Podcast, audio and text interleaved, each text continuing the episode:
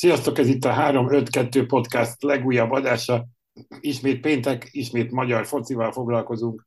Ezúttal azonban az apró hírekkel kezdjük ellentétben a szokásos menetrenddel, hiszen most sem magyar válogatott, sem, sem Ferencvárosi Európa Liga találkozó nincsen csütörtökön, viszont sok minden történt a héten, többek között egy restart Fehérváron, Mihály Boris vezetőedzőt és Sarói István sportigazgatót is elküldték a piroskékek, helyére pedig Juhász Roland lett a sportigazgató, Huszti Szabolcs pedig a vezetőedző. Azt hiszem, hogy az első kérdés leginkább az, hogy ugye rögtön szinte néhány órán belül bejelentették a távozás híre után az új vezetőedzőt, tehát valószínűleg itt azért már napok óta megvoltak az előkészítő feladatok, de ez vajon mennyire szól szakmailag és mennyire pedig a, a, egy újabb legendának a behozatala a szurkolók és a közvélemény a jó szó az, hogy lecsít, lecsitítására, vagy egyáltalán megnyugtatására a kedélyeknek. Hogyan látjátok ti ezt a helyzetet? Kezdjed, Benji, nyugodtan. Hát a tegnapi kupa meccsből, ugye csütörtök délután veszük fel az adást, ezért mondom, hogy tegnapi, kiindulva, ahol azért az általunk már oly sokat emlegetett kurva gyenge most elég sokszor felhangzott a lelátón a Puskás Akadémia elleni kupameccs után, vagy hát nem csak után, hanem közben is. Ezek alapján nem biztos, hogy a, a kérdésedre az a válasz, hogy a, a szurkolóknak a megnyugtatásaképpen lett ez a váltás, hogy két egykori kiváló fehérvári játékost tettek vezetőnek, illetve vezetőedzőnek és sportigazgatónak. Mm, nyilván idő kell Úszti Szabolcsnak, idő kell Juhász Rolandnak is, Ugye Juhász Roland a harmadik kerülettől érkezett, tehát gyakorlatilag a munkából a munkába mm, tette át a, a váltást. Puszti Szabolcs ugye legutóbb a, a DVSC vezetőedzőjeként dolgozott. Ő egy pici kihagyás után, hogyha lehet így mondani, tér vissza. Nyilván idő kell ehhez a projekthez, de ahogy mondtad, ez egy hatalmas restart. Más kérdés, hogy hogy Huszti Szabolcs nyilatkozatából, első meccs utáni nyilatkozatából az derül ki, hogy valójában egy-két játékossal nem elégedett. Magyarul oké, okay, hogy most meg volt a szakmai restar, de, de jó kérdés, hogy a játékos keretben mennyire követi ezt valamiféle váltás. Mm, jó kérdés egyébként, hogy, hogy merre tartanak tovább. Mm, én nem vetném az első követ rá Huszti Szabolcsra, és talán már korábbi adásban is beszéltük, amikor Huszti Szabolcs neve felmerült valamilyen téma kapcsán, hogy, hogy azért Debrecenben egészen jól kezdte a, munkát, hogy aztán milyen lett a vége, az már egy más kérdés, de nem feltétlenül rossz vezetőedző, ebben lehet azért egy, egy jó kis szakmai alap a jövőre nézve. Ugye ebből az egy meccsből talán nem indulhatunk ki, de hát valamilyen változás kellett Fehérváron, ebben talán megállapodhatunk így közösen, hogy aztán ez, vagy vagy inkább tényleg a játékos keretben, az már egy másik, másik tészta lehet.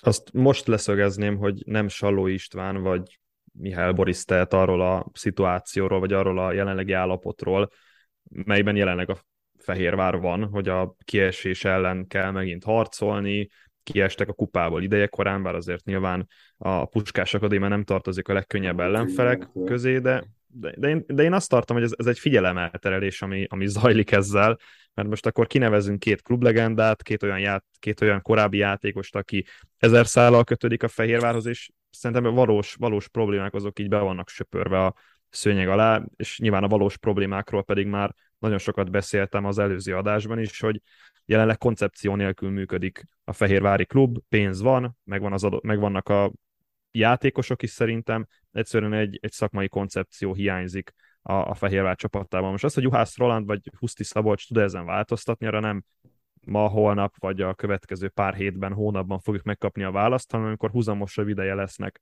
a Fehérvárnál, akkor lehet elmondani azt, hogy adott esetben Huszti Szabolcs és Juhász Roland pozitív irányba lendítette ezt a, ezt a Fehérvári klubot, viszont én egy, én egy sokkal mélyebb probléma körrel indítanám azt, hogy eddig a, a, az edzőválasztások ugye most a legutóbbi kettőre gondolok, hogy Szabi Csimre, illetve uh, Mihály Boris, egy alapvetően német vagy osztrák, ez, mondhatom, ez a Red Bull iskola uh, neveltjei, hogy ugye ők a gegenpressing féle taktikát alkalmazzák előszeretettel. Na most hogyan lehet gegenpressingelni egy olyan NBA-ben, ahol a csapatok 80%-a 3-5-2-es mélyblokkban, vagy 5-3-2-es mélyblokkban védekezik, és igazából az első adandó alkalommal rúgják fel a labdát, és aztán labda ellen szépen sündisznóban védekeznek, és ez volt egyébként a Fehérvárnak az elmúlt években a legnagyobb probléma, hogy nem tudtak mit kezdeni felálltvédelem ellen. Nyilván nem segített azon a területmenedzsmentbeli probléma sem, hogy mondjuk hatalmas lyukak tátongtak a vonalak között, és, és nem volt olyan összekötő játékos, aki mondjuk a, középpálya meg védelem között felszette volna a labdákat, vagy, vagy éppenséggel fogadta volna az ellenfelet, így konkrétan egy passzal át lehetett játszani a Fehérvári középpályát. Nem segített az sem, hogy azért Mihály Boris itt a vége felé elkezdett kísérletezni, és nem is nem, is, nem sült el jól ez a kísérletezés. Szóval a Szászlónak is egy a vége, Fehérváron nagyon-nagyon nagy problémák vannak, és nem feltétlen gondolom azt, hogy Huszti Szabolcs érkezése, vagy, vagy Juhász Roland érkezése fog ezen változtatni bármit is. Ugye itt mondta Benji Husztinak a debreceni kalandját, ugye Huszti Szabolcs Debrecenyével az volt a nagyon nagy probléma, hogy hiába alakítottak ki rengeteg minőségi helyzetet, meg rúgtak sok gólt, csak cserébe hátul rendkívül szervezetlen volt az egész, és, és, és baromi sok gólt kaptak, és többet kaptak, mint rúgtak, és ez volt a nagyon nagy probléma. Véleményem szerint, hogyha ezt tudja stabilizálni Huszti ezzel a jobb játékos kerettel, ami most rendelkezésére áll, akkor akár még jól is elsülhet, de én megint nem azt látom, hogy, hogy Huszti Szabolcs lenne az a szakember, aki nem tudom ezt a Fehérvárat újra úgy felépíteni, hogy a, a, a, a Ferencvárossal fognak küzdeni a következő években a bajnoki címért. Ez a kísérletezés valóban annyira, annyira nem sikerült jól, hogy a, talán már múlt adásban is említett etalonként említett Nikolics éra óta Mihály Borisnak volt a legrosszabb pontátlaga 1,41-jel. Még Márton Gábor, Szavics Imre, Joan Carillo is jobb volt ennél. Egyébként vannak olyan hírek, plegykák, hogy ez a páros húszti legalábbis mindenképpen csak a naptári év végéig maradna Fehérváron. Ennyire gondoljátok, hogy hogy elképzelhető ez, vagy, vagy pedig hogy beleállna. Igazából itt azért nem volt idő az átállásra, ez a kupa meccs is nyilván ebből a szempontból nem volt szerencsés kimenetelő, hogy nem sok idő volt felkészülni.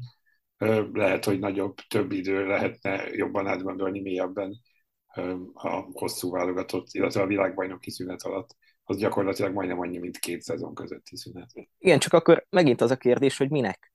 Tehát, hogy, gyakorlatilag minek érkezett Valami most erre a kis időre a Huszti Szabads, tehát a Fehérvár nincs olyan, ja, vagy nem abban a helyzetben van, amiből ne lehetne már most is ebből a mélyből építkezni. Tehát, tehát gyakorlatilag az a helyzet, hogy, hogy Huszti Szabolcsa nem nagyon lehet mélyebbre süllyedni, maximum, hogyha sorra veszítik el, mit tudom én, három-négy gólal a meccseket, és akkor mondjuk azt, hogy decemberben vagy az új év kezdetén az utolsó helyen áll majd a Fehérvár az NBA-ben.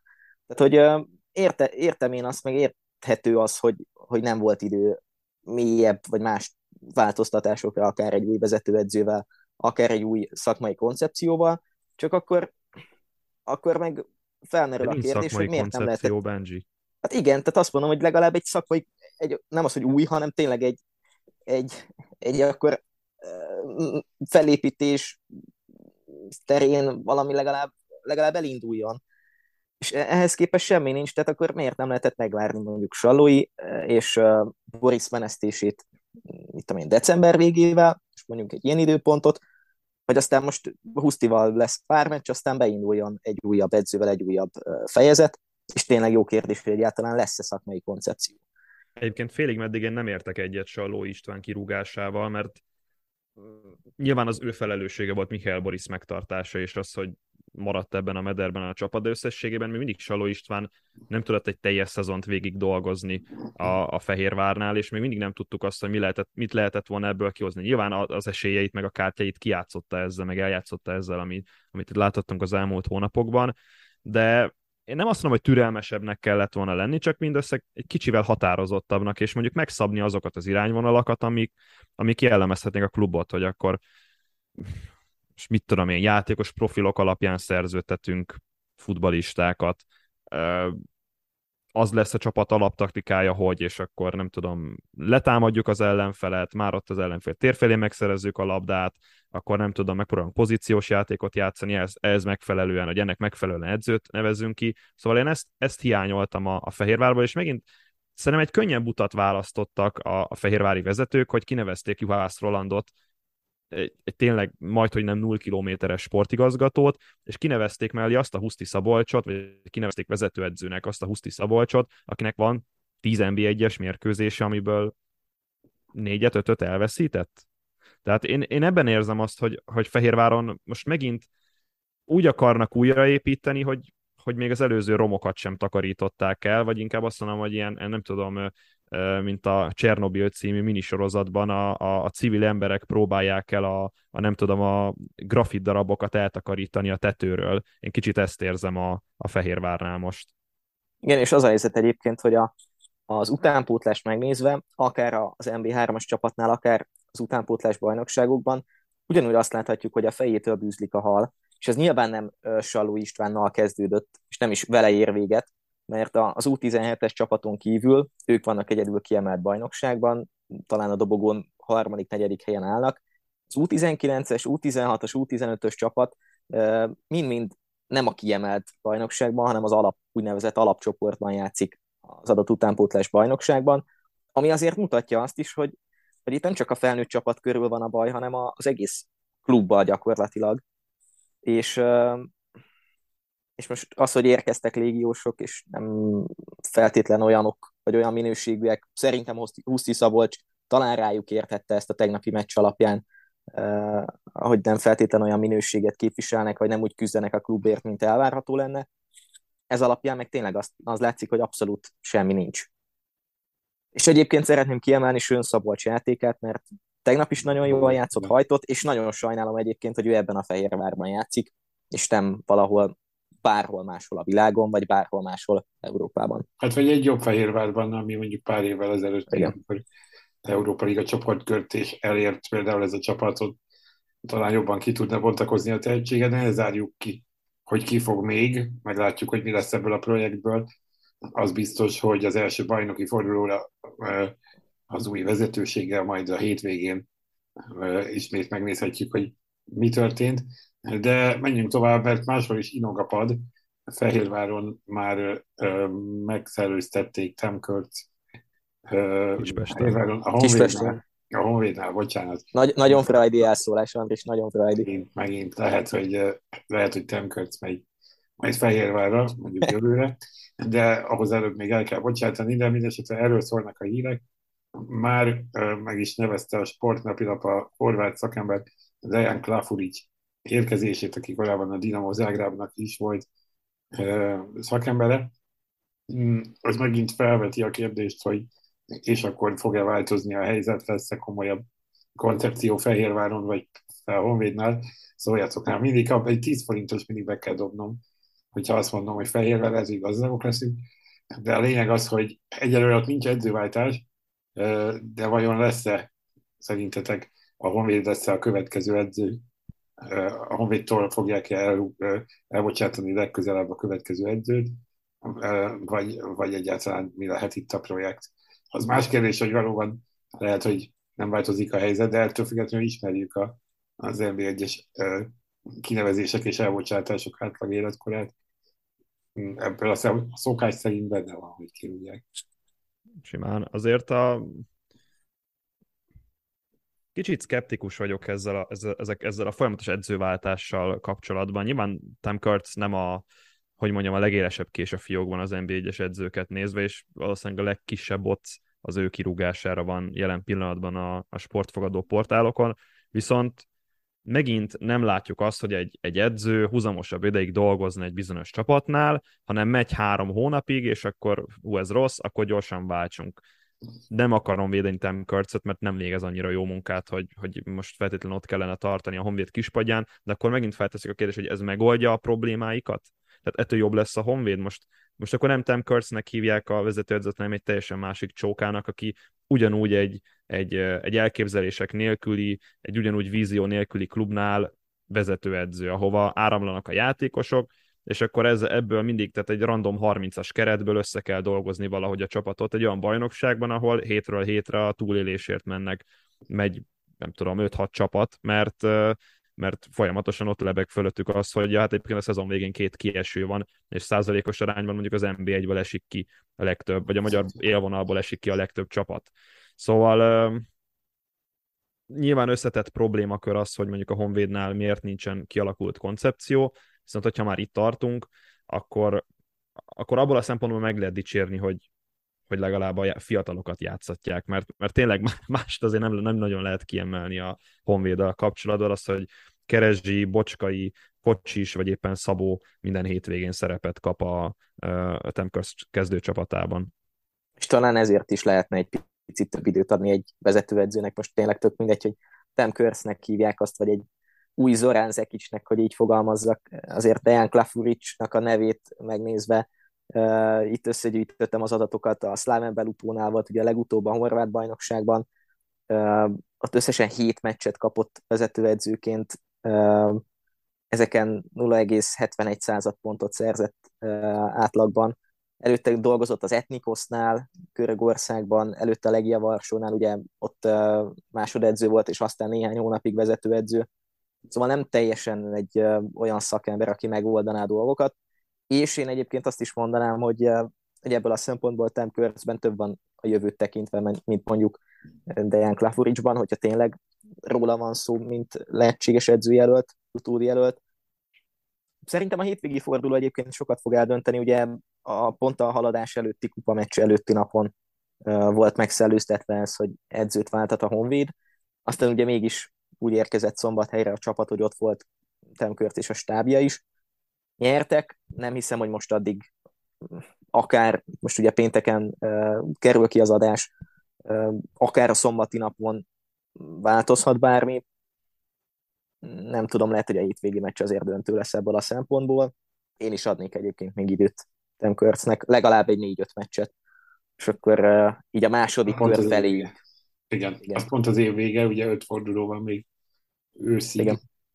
vagy idén a bajnokságból Úgyhogy lehet, hogy addig mindenképpen marad, mert most azért ez tényleg nem néz ki túl szépen, tehát ha eddig nem küldték el, akkor elképzelhető, hogy már csak jövőre ki fog derülni. Az viszont már biztosan kiderült, hogy egy korábbi honvéd játékos gazdag Dániel nem lesz MVP az MLS-ben, az amerikai labdarúgó bajnokságban, holott sokan esélyesnek tartották rá, még a, az ellenfelek közül is de valóban ez a lehet fokmérője, tehát ez végig söpört az el, a magyar sajtón is ez a hír, holott nyilván egy MVP cím sokat számít, de hát végső soron mégis azt számít, hogy hány volt lősz, hányszor vagy a kezdőcsapatban, hányadik helyen áll a csapat a tabellán. Valóban ennyire fontos kérdés ez szerintetek?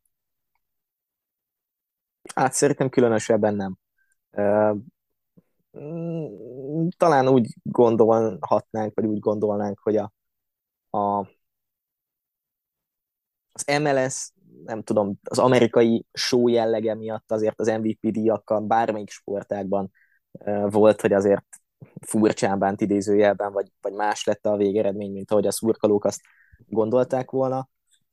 Nem hiszem, hogy ez most nyilván rosszul esik gazdag Dánielnek, mint hogy rosszul esett Stallói Dánielnek is, amikor szenzációs formában játszott nem hiszem, hogy ez különösebben befolyásolná a jövőt. Abból a szempontból viszont érdekes kérdés lehet, hogy gazdag Dánielnek lehet-e ez egy ugródeszka most pályafutásában. Ugye voltak ilyen nyilatkozatok, hogy a Juventusba is beférne akár.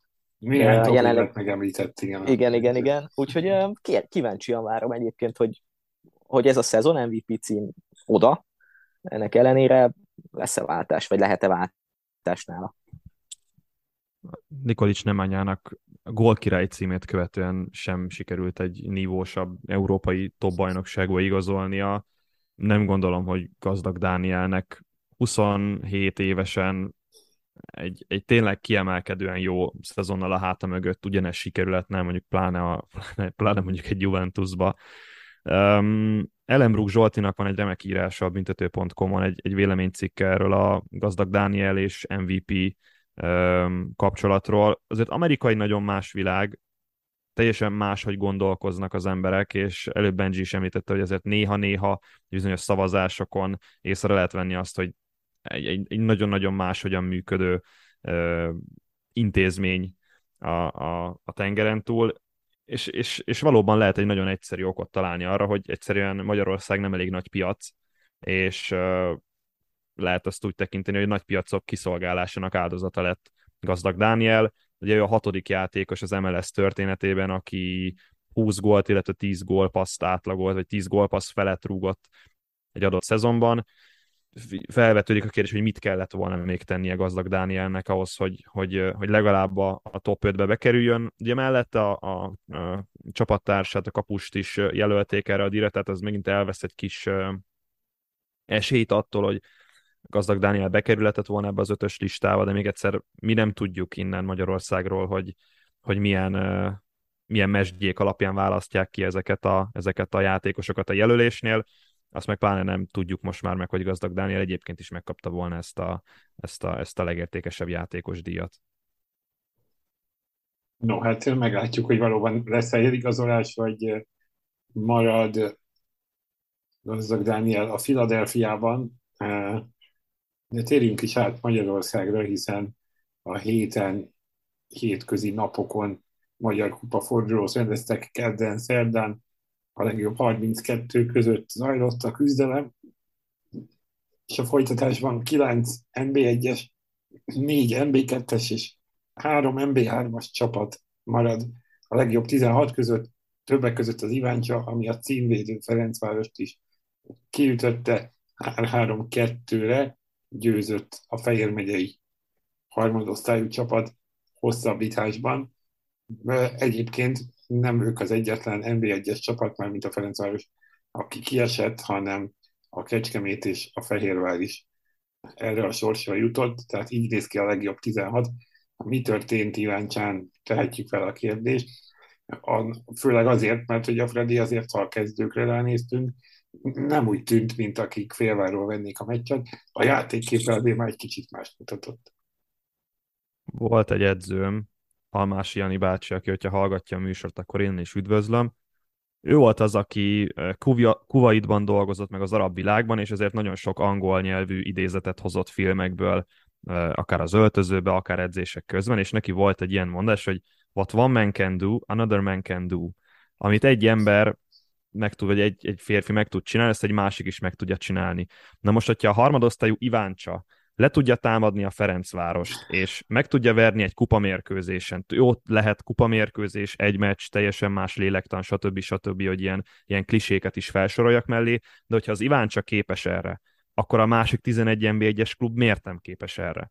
És ez egy teljesen jogos kifakadás, hogy, hogy hogy persze, az, az Iváncsa tökéletesen tudta, hogy a Ferencváros labdakihozatalban összezavarható, és már az ellen, már a Ferencváros térfelén, már a Ferencváros védekező harmadában pressingeltek, hibára kényszerítették a Fradi, Fradi védőit, nagyon sokszor volt olyan, hogy 30 méteren belül sikerült kiharcolni egy bedobást, vagy, vagy eladta a labdát a Ferencváros, és ezért nagyon nem mindegy, hogy mondjuk egy, egy NB1-es mérkőzésen mondjuk van három kontra lehetőséged, amiből kellene két gólt lőni a Ferencvárosnak, vagy van öt labda szerzésed az ő védekező harmadukban, amikor csak idézőjelben van 5-6 másodperced arra, hogy befejezd a támadást, és gólt szerez belőle. Nyilván sokkal egyszerűbb 30 méteren belül valamit kezdeni a labdával, mint hogy végig zakatolni három emberrel 70 méteren keresztül.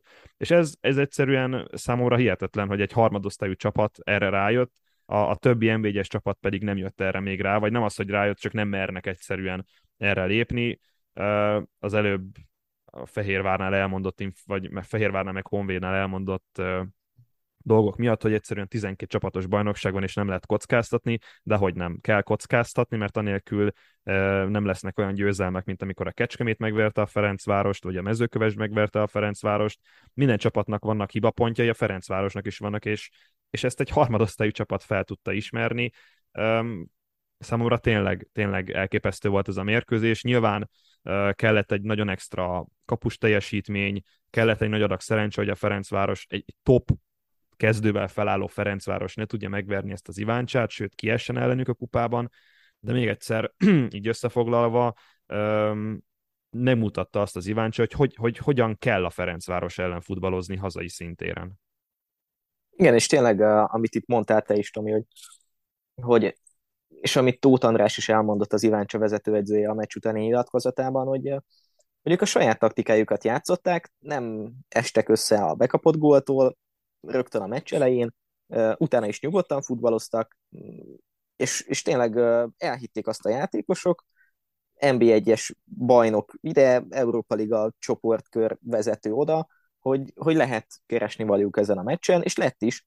És az a helyzet, hogy, hogy nem arról van szó, hogy tehát ezt a csodát ezt szerintem nem úgy kell értelmezni, hogy most hú, egy, egy MB3-as csapatnak volt egy nagyon jó napja, és, és búcsúztatták a Ferencvárost, hanem tényleg nem feltétlenül a szerencse, hanem a maga a játéktudás döntött itt, és, és méltó partnerei voltak ezen az egy meccsen a Ferencvárosnak.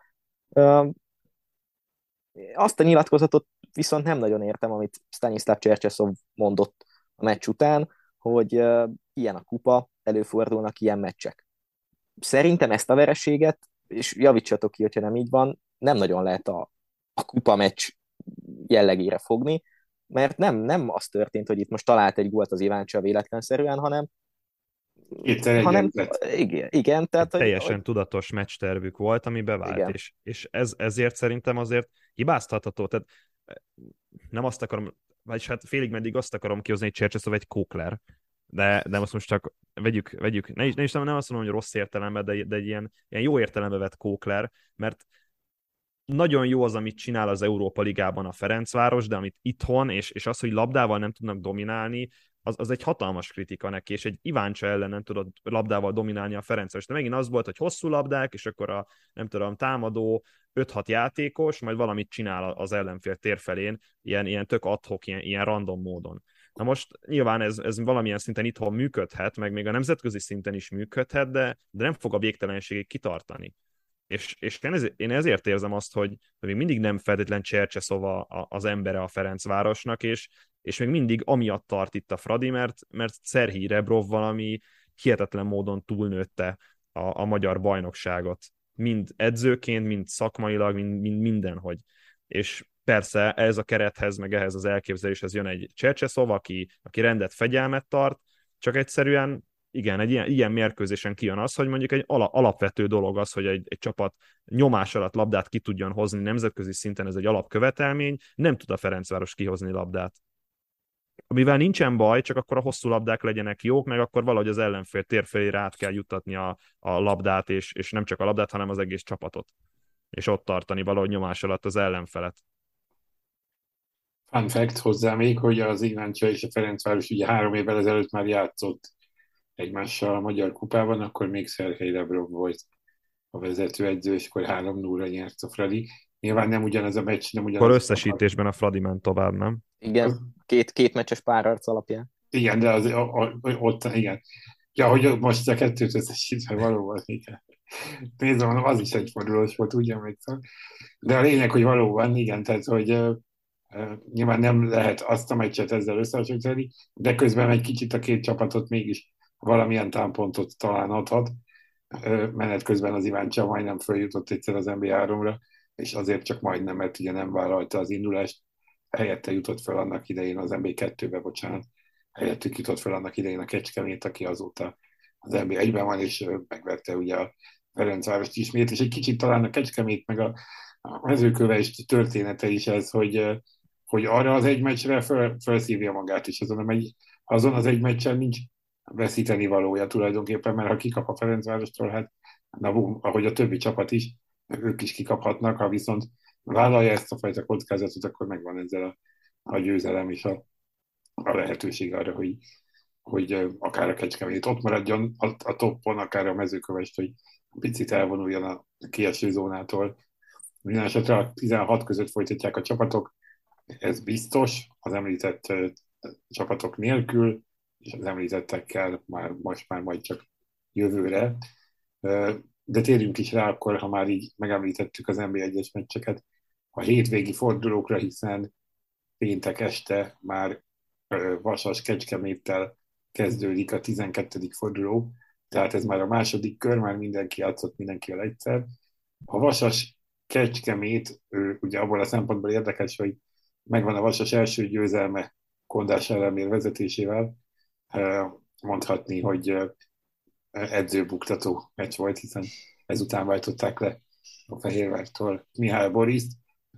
Az első meccs ugye 0-0 volt Kecskeméten, akkor még egy kicsit fordítva gondoltuk, hogy a Kecskemét majd küzd a kiesés ellen, a Vasas pedig valahol ott a top mezőnyben, hát éppen, hogy fordítva van, de vajon tudják-e ezt a formát hozni a csapatok, vagy pedig a Vasasban megmarad a, jó forma, hogy látott Tomi? Azért a Vasas ilyen meccseket meg fogja nyerni ebben a szezonban, amikor az ellenfél nem tud mit kezdeni a labdával, ott van az ő térfélükön, és akkor meg lehet kontrázni a, a, a Fehérvárt, meg nem tudom, még, még talán a, a Paks lesz ilyen együttes, hasonló kaliber, szerintem a Kisvárda is egy, egy kicsit ilyen lesz, mint, mint, a, mint ezek az ellenfelek, és ezek ellen jól fog menni a Vasasnak, mert, mert már tavaly is erre épült nagy rész a taktika, hogy, hogy kontrából megverik az összes csapatot, és miután minőségi játékosaik vannak, ezért sok gólt tudnak szerezni. Nyilván az NBA-ben más volt már a helyzet, mint az NBA2-ben, de, de szerintem az első győzelem az egy lökést fog adni ennek a, ennek a csapatnak, még akkor is, hogyha kondás elemér a vezetőedzés, és nem fűzök túl sok pozitívumot majd ez, ez a kapcsolathoz, vagy ez a munkához, de most viszont nehéz dolga lesz a Vasasnak, mert a, nem csak, hogy az előző meccsük lett 0-0, hanem az, az előtti meccs is 0-0 lett, meg előtte uh, volt szerencsém közvetíteni a Vasas Kecskemét mérkőzést, ami egy-egyel zárult, és ott egyébként a Kecskemét nagyjából hasonló skilleket villogtatott, mint itt az első 11 fordulóban, pontrugások, nagyon kellemetlenül beálltak, mély blokkban voltak, és egyszerűen a Vasas nem tudott ezzel mit csinálni. Én én gyanítom azt, hogy ez a Vasas nem fejlődött annyit ebben az elmúlt egy évben, hogy, hogy most is képes legyen a, a kecskeméti védelmet feltörni, sőt, mondhatnám azt, hogy a Kecskemétnél van egy kisebb, kisebb fajta előny azzal, ahogyan állnak a bajnokságon, és most már mindenki egy kicsit óvatosabban fog játszani a, a Kecskemét ellen. Hát igen, az biztos, hogy a folytatáshoz, hogy ezt megtartják, ez több kell, minden esetre a személyi állomány azért valóban megvan a Vasasnál, ezzel lehet valamit kezdeni. Az Alegerszegen is megindult kicsit, most megint a szekérkép döntetlen után ugyanis egy Paks elleni 3 0 győzelemmel folytatta Ricardo Moniz együttese, és a Honvédot fogadják, akikről most azért már beszéltünk az elmúlt időben többet, de az Alegerszeg azért szemmeláthatóan még mindig jól tartja ezt a formát egy kevésbé nívós, kevésbé nagy játékosokra, inkább csapategységre alkalmazható kerettel.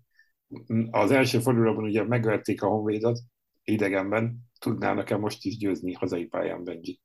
Szerintem igen, ha esélyes kell mondani erre a meccsre, abszolút az ETE az. És én még mindig tartom azt az állítást, meg azt a tippet, hogy ez az Alegerszeg egy ilyen kezdés után, egy ilyen tízfordulós kezdés után abszolút dobogó esélyese ennek a bajnokságnak.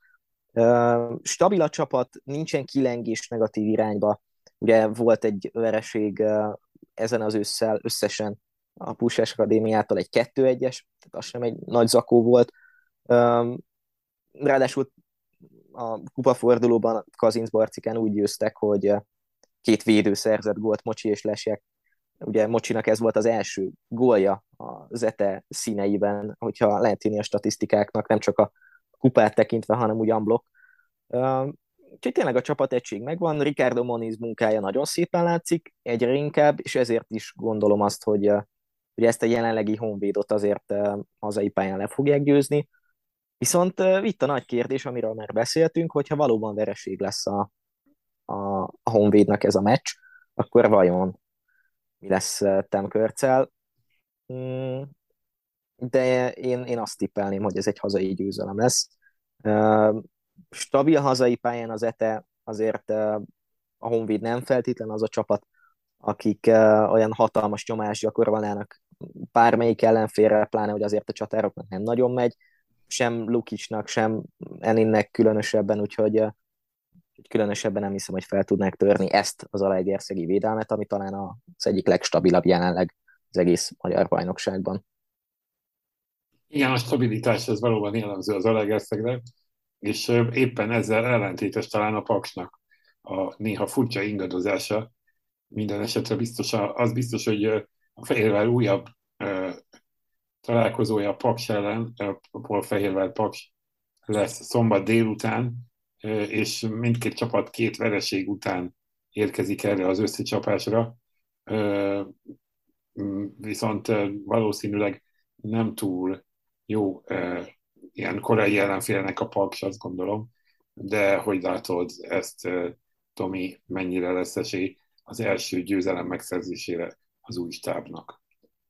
Mondjuk ilyen formában levő paksot azért lehet verni, sőt, én, én, én azt tartom, hogy egyébként a Fehérvár meg fogja verni a paksot ezen a mérkőzésen, nem csak azért, mert Husztinak ez lesz az első mérkőzése a, a bajnokságban, hanem azért is, mert a Paks tényleg borzalmas formában van, és, és az, amit a Zolaegerszeg ellen mutattak, az egyszerűen kilátástalan volt. Azt, azt, azt, azt rossz volt nézni azt a mérkőzést. A, a Zalaegerszeg minden, a futball minden elemében felül tudta múlni a paksot, és um, igen, ilyen formában jönnek a, a Fehérvárhoz, amely, amely nyilván bizonyítani szeretne azok után, hogy, hogy kikaptak a Vasastól, kiestek a kupából, ilyen, ilyen őszi nagy takarítás volt most a klubnál, szóval rengeteg plusz, plusz nyomás helyezedik most a Fehérvárra, de, de én azt gondolom, hogy, hogy most már Fiola Attiláék rátalálhatnak a, a győztes útra, és, és a Paks ellen muszáj lesz elkezdeni ezt, mert, mert tényleg, hogyha a Paks ellen, egy ilyen Paks ellen nem sikerül nyerni a Fehérvárnak, akkor, akkor bizony tényleg nagyon nagy problémák vannak.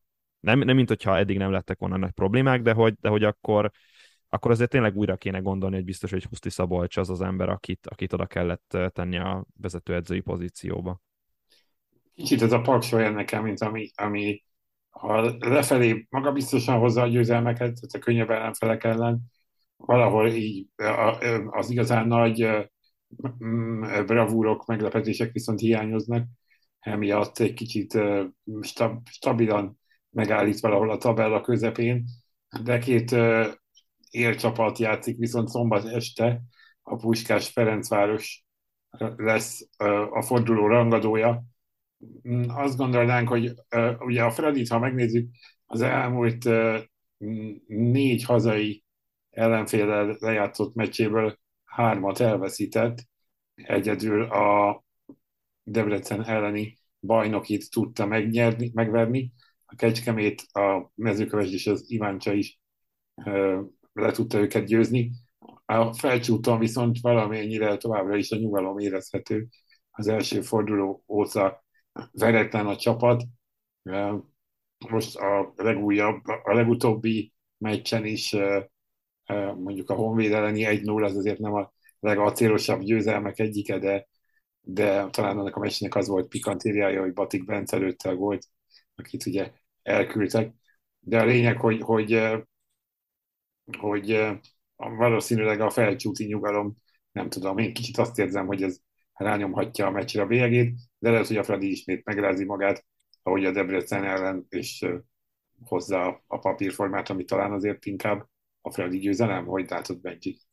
Hmm, egyet értek veled, hogy, hogy talán rá, rányomhatja ez a, ez a, a felcsúti nyugalom idézőjében, ahogy, ahogy te fogalmaztál a meccsre a bélyegét, és ha közelmúlt Puskás Fradi meccseiből kiindulunk, általánosságban nem nagyon volt két gólnál több, talán egy meccset kivéve a, az idén áprilisi bajnokit kivéve, ugye kettő-kettő született. Um, ugye a Puskás azért szereti a labda birtoklást inkább átengedni az ellenfeleknek, nem nagyon volt olyan bajnoki vagy olyan kupa meccs, amit igazából ők domináltak volna. Ebből kiindulva a kérdés, hogy a Fradi pláne a kupa kiesést követően és a Monaco elleni meccs előtt picit rotálja-e a keretet, vagy Csercseszov úgy gondolja, hogy, hogy akár csak az Iváncső ellen ide is érdemes egy, egy egyértelműen A csapatot kiállítani. És ez talán hosszú távon is jó kérdése lehet a Pradinak, hogyha, hogyha valóban összejön a továbbjutása az Európa Ligából, vagy akár majd a Konferencia Ligában folytathatják tavasszal, hogy hogyan rotálja a csapatot. Mm, azért a Puskásnál továbbra sem működik olajozottan a, az a gépezet, amit, amit talán elvárna a, az átlag meccsnéző a gólszerzés tekintve.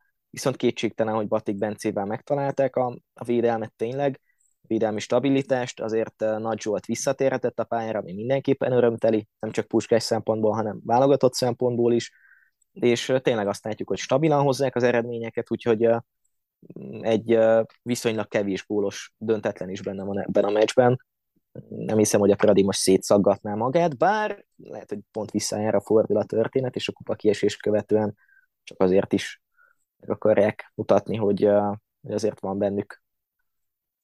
Lehet egy presztízs, egy presztízs hozzáállás valóban, de tényleg a Puskás Akadémia igazából a két legkevesebb gólt kapott kapott csapatról van szó, a Fradi 5-öt, a Felcsút 8-at, szóval már csak ebből indulva sem valószínű, hogy ez lesz a forduló legtöbb gólt hozó meccse.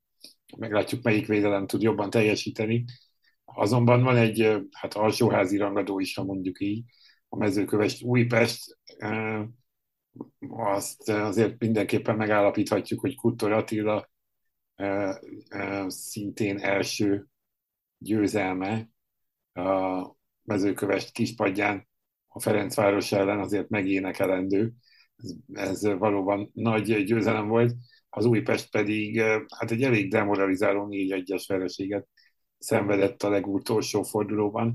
Úgy néz ki, hogy a, vagy a legutóbbi fordulóban, úgy néz ki, hogy a, ugye a Ferencvárosi 0-6 után kicsit, mintha megrázták volna magukat az újpestiek, és lett volna egy, egy feltámadás, egy fel, felébredés, talán inkább ez a jobb szó, de mintha ez most itt kifulladt volna, nem tudom, hogy látod Benji, vagy egyszerűen csak a Debrecen ennyire megtalálta az összhangot az új edzővel, vagy, vagy pedig az Újpest süllyedt kicsit vissza ebbe a stílusba, és a mezőköves meg tudja tart, tartani ezt a lendületet, amit a Fradi győzelem okozott, hogy látod.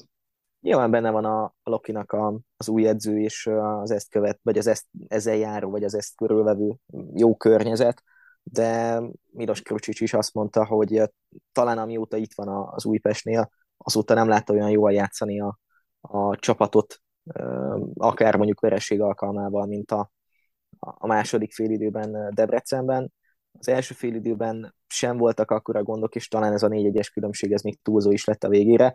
Azért akkora gondok nincsenek Újpesten, mint voltak mondjuk akár csak egy vagy, vagy másfél hónappal ezelőtt. Örömteli azt látni, hogy azért a magyar fiatalok játszanak, a magyar játékosok játszanak.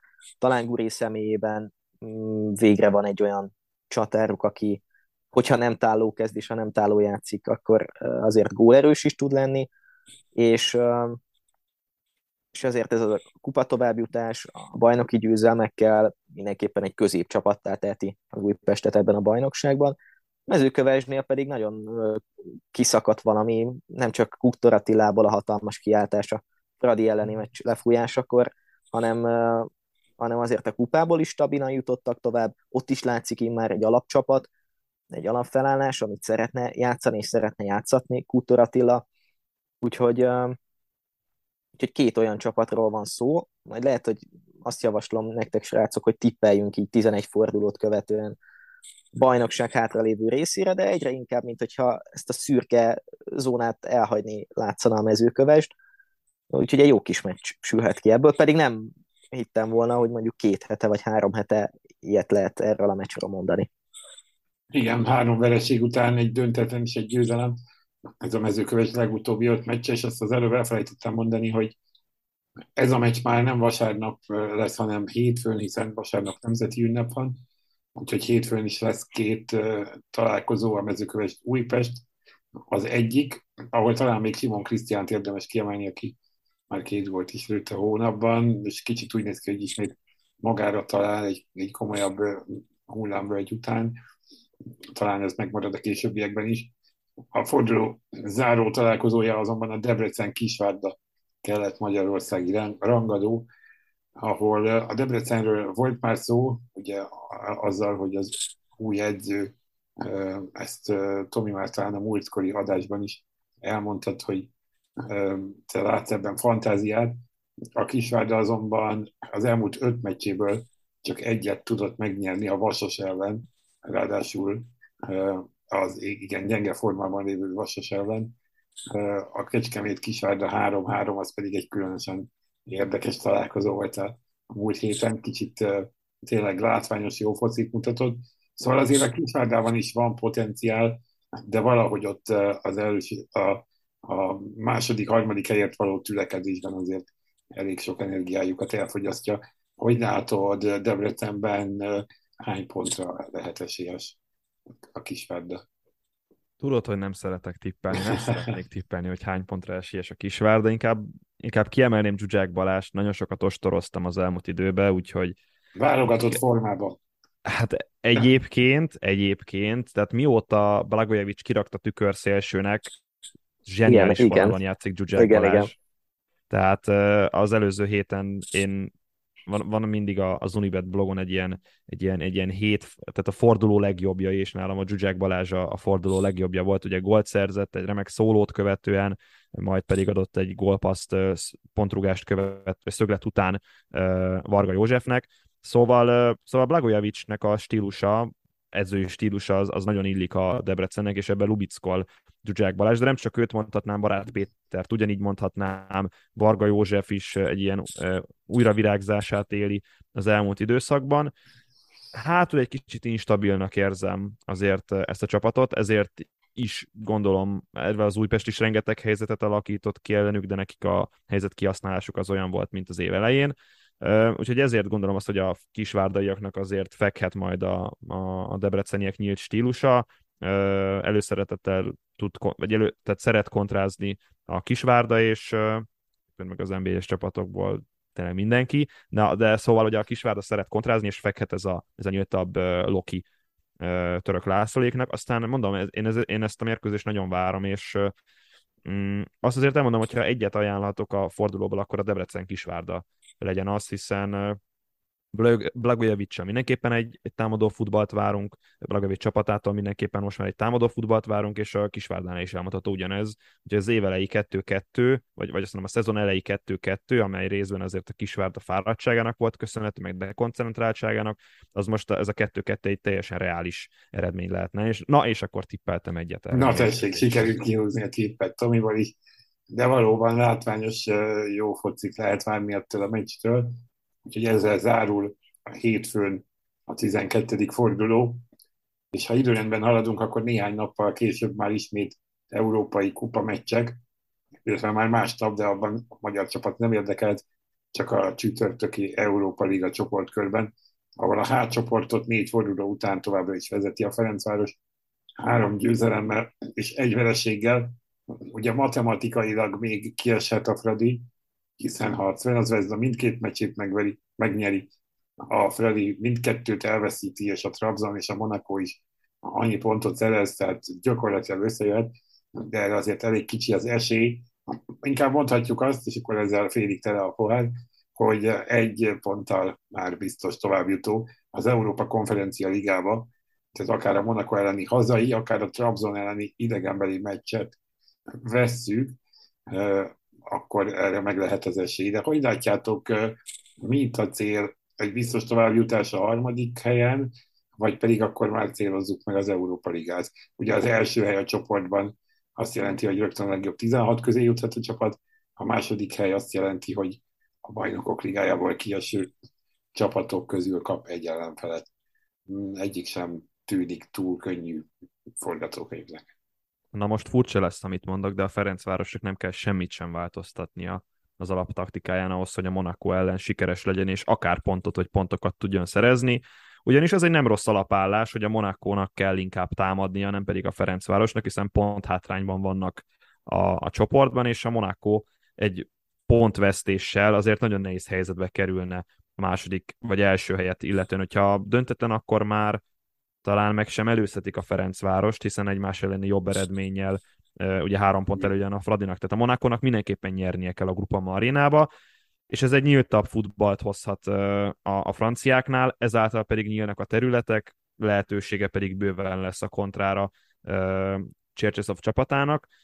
Nyilván nem jött jókor ez a kupa kiesés, meg nem jött jókor a mezőköves elleni vereség, de, de ennyi rossz meccse egyszerűen nem lehet a Ferencvárosnak egymás után, vagy hogyha van, akkor, akkor, akkor már nem azt mondom, hogy krízis van, de, de elég nehéz helyzetben van a Ferencváros. Utoljára ilyet tavaly, egyébként a szezon pont ezen szakaszában uh, láthattunk Stögertől, de az egy teljesen más Frodi volt uh, Csecseszov. A Csecseszovi Ferencváros ahhoz képest szerintem uh, rendezettebb. Kérdés lesz egyébként, hogy a Fradi mit kezd a védelemmel, ugye Knuster, javítsatok ki a tévedek, de nem állhat majd a rendelkezésre. Így van, tehát a sárga lapok miatt nem lesz bevethető. És talán itt lehet a probléma, hogy itt indulhat a probléma, hogy, hogy ki játszik majd Sami Májé mellett. Ugye valószínűleg Télander lesz a, a megoldás, hogy ő valóban megoldás lesz az, az jó kérdés azért a, a Monakónak hiába nem mutatták meg mondjuk az első meccsen a, a az igazi erejüket, vagy az igazi gyorsaságukat, de azért Embolóval, Golovinnal vannak olyan játékosaik, akik ezt a védelmet mindenképpen fel tudják törni. Más kérdés, hogy a, a Monakót nem csak a, a Ferencváros hát idézőjelben zsigerelte ki a, a Monaco Fradi meccsel, hanem a Trabzontól is kaptak egy jókora pofont, és ott abszolút működött a, a Trabzonnak a taktikája minden szempontból. Úgyhogy Hát az a helyzet, hogy, hogy válaszolva a kérdésedre, Andris, szerintem itt nem kell számolgatni a Fradinak, hanem, hanem tényleg meg kell próbálni a, a győzelmet. Abszolút lehet az eddigi Európa Liga tapasztalatok alapján, az idei szezon alapján az, hogy ebben három pont lesz benne, ha egy pont lesz benne, egy pont lesz benne, akkor sincsen tragédia, akkor is van kupa tavasz, úgyhogy, úgyhogy én azt mondom, hogy ez a meccs az, ami dönt a továbbjutásról, és nem majd esetleg vereség esetén az utolsó meccs Trabzonban, mert ha, ha most nem nyer a Fradi, akkor, akkor nagyon nehéz lesz Törökországban, vagy ha most kikap a Fradi, inkább így mondom, akkor nagyon nehéz lesz Törökországban kiarcolni a, a kupa tavaszt, még hogyha alakulhatnak úgy az eredmények akkor is. Tegyük hozzá azért, hogy a Trabzont fogadja a Zvezda, tehát azért az sem, nekik sem lesz könnyű pontot Igen. szerezni, úgyhogy ebből a szempontból lehet, hogy már a biztos továbbítás tudatában mehetünk Törökországba, vagy mehet a Freddy Törökországba, de azért azt talán állíthatjuk, hogy könnyebb pontot szerezni itthon a Monaco ellen, mint Törökországban. Szerintem mm, talán, mert nem tudjuk. E, minden esetre meglátjuk jövő héten. A jövő heti adást már frissen a meccs után vesszük fel, úgyhogy arról majd jövő hét pinteken hallottok. Ha ezt végighallgattátok, ezt az adást, akkor köszönjük, iratkozzatok, iratkozzatok fel a podcastra, mindenféle platformon megtaláljátok, és addig is jó szurkolást mindenkinek, sziasztok! Sziasztok! Sziasztok!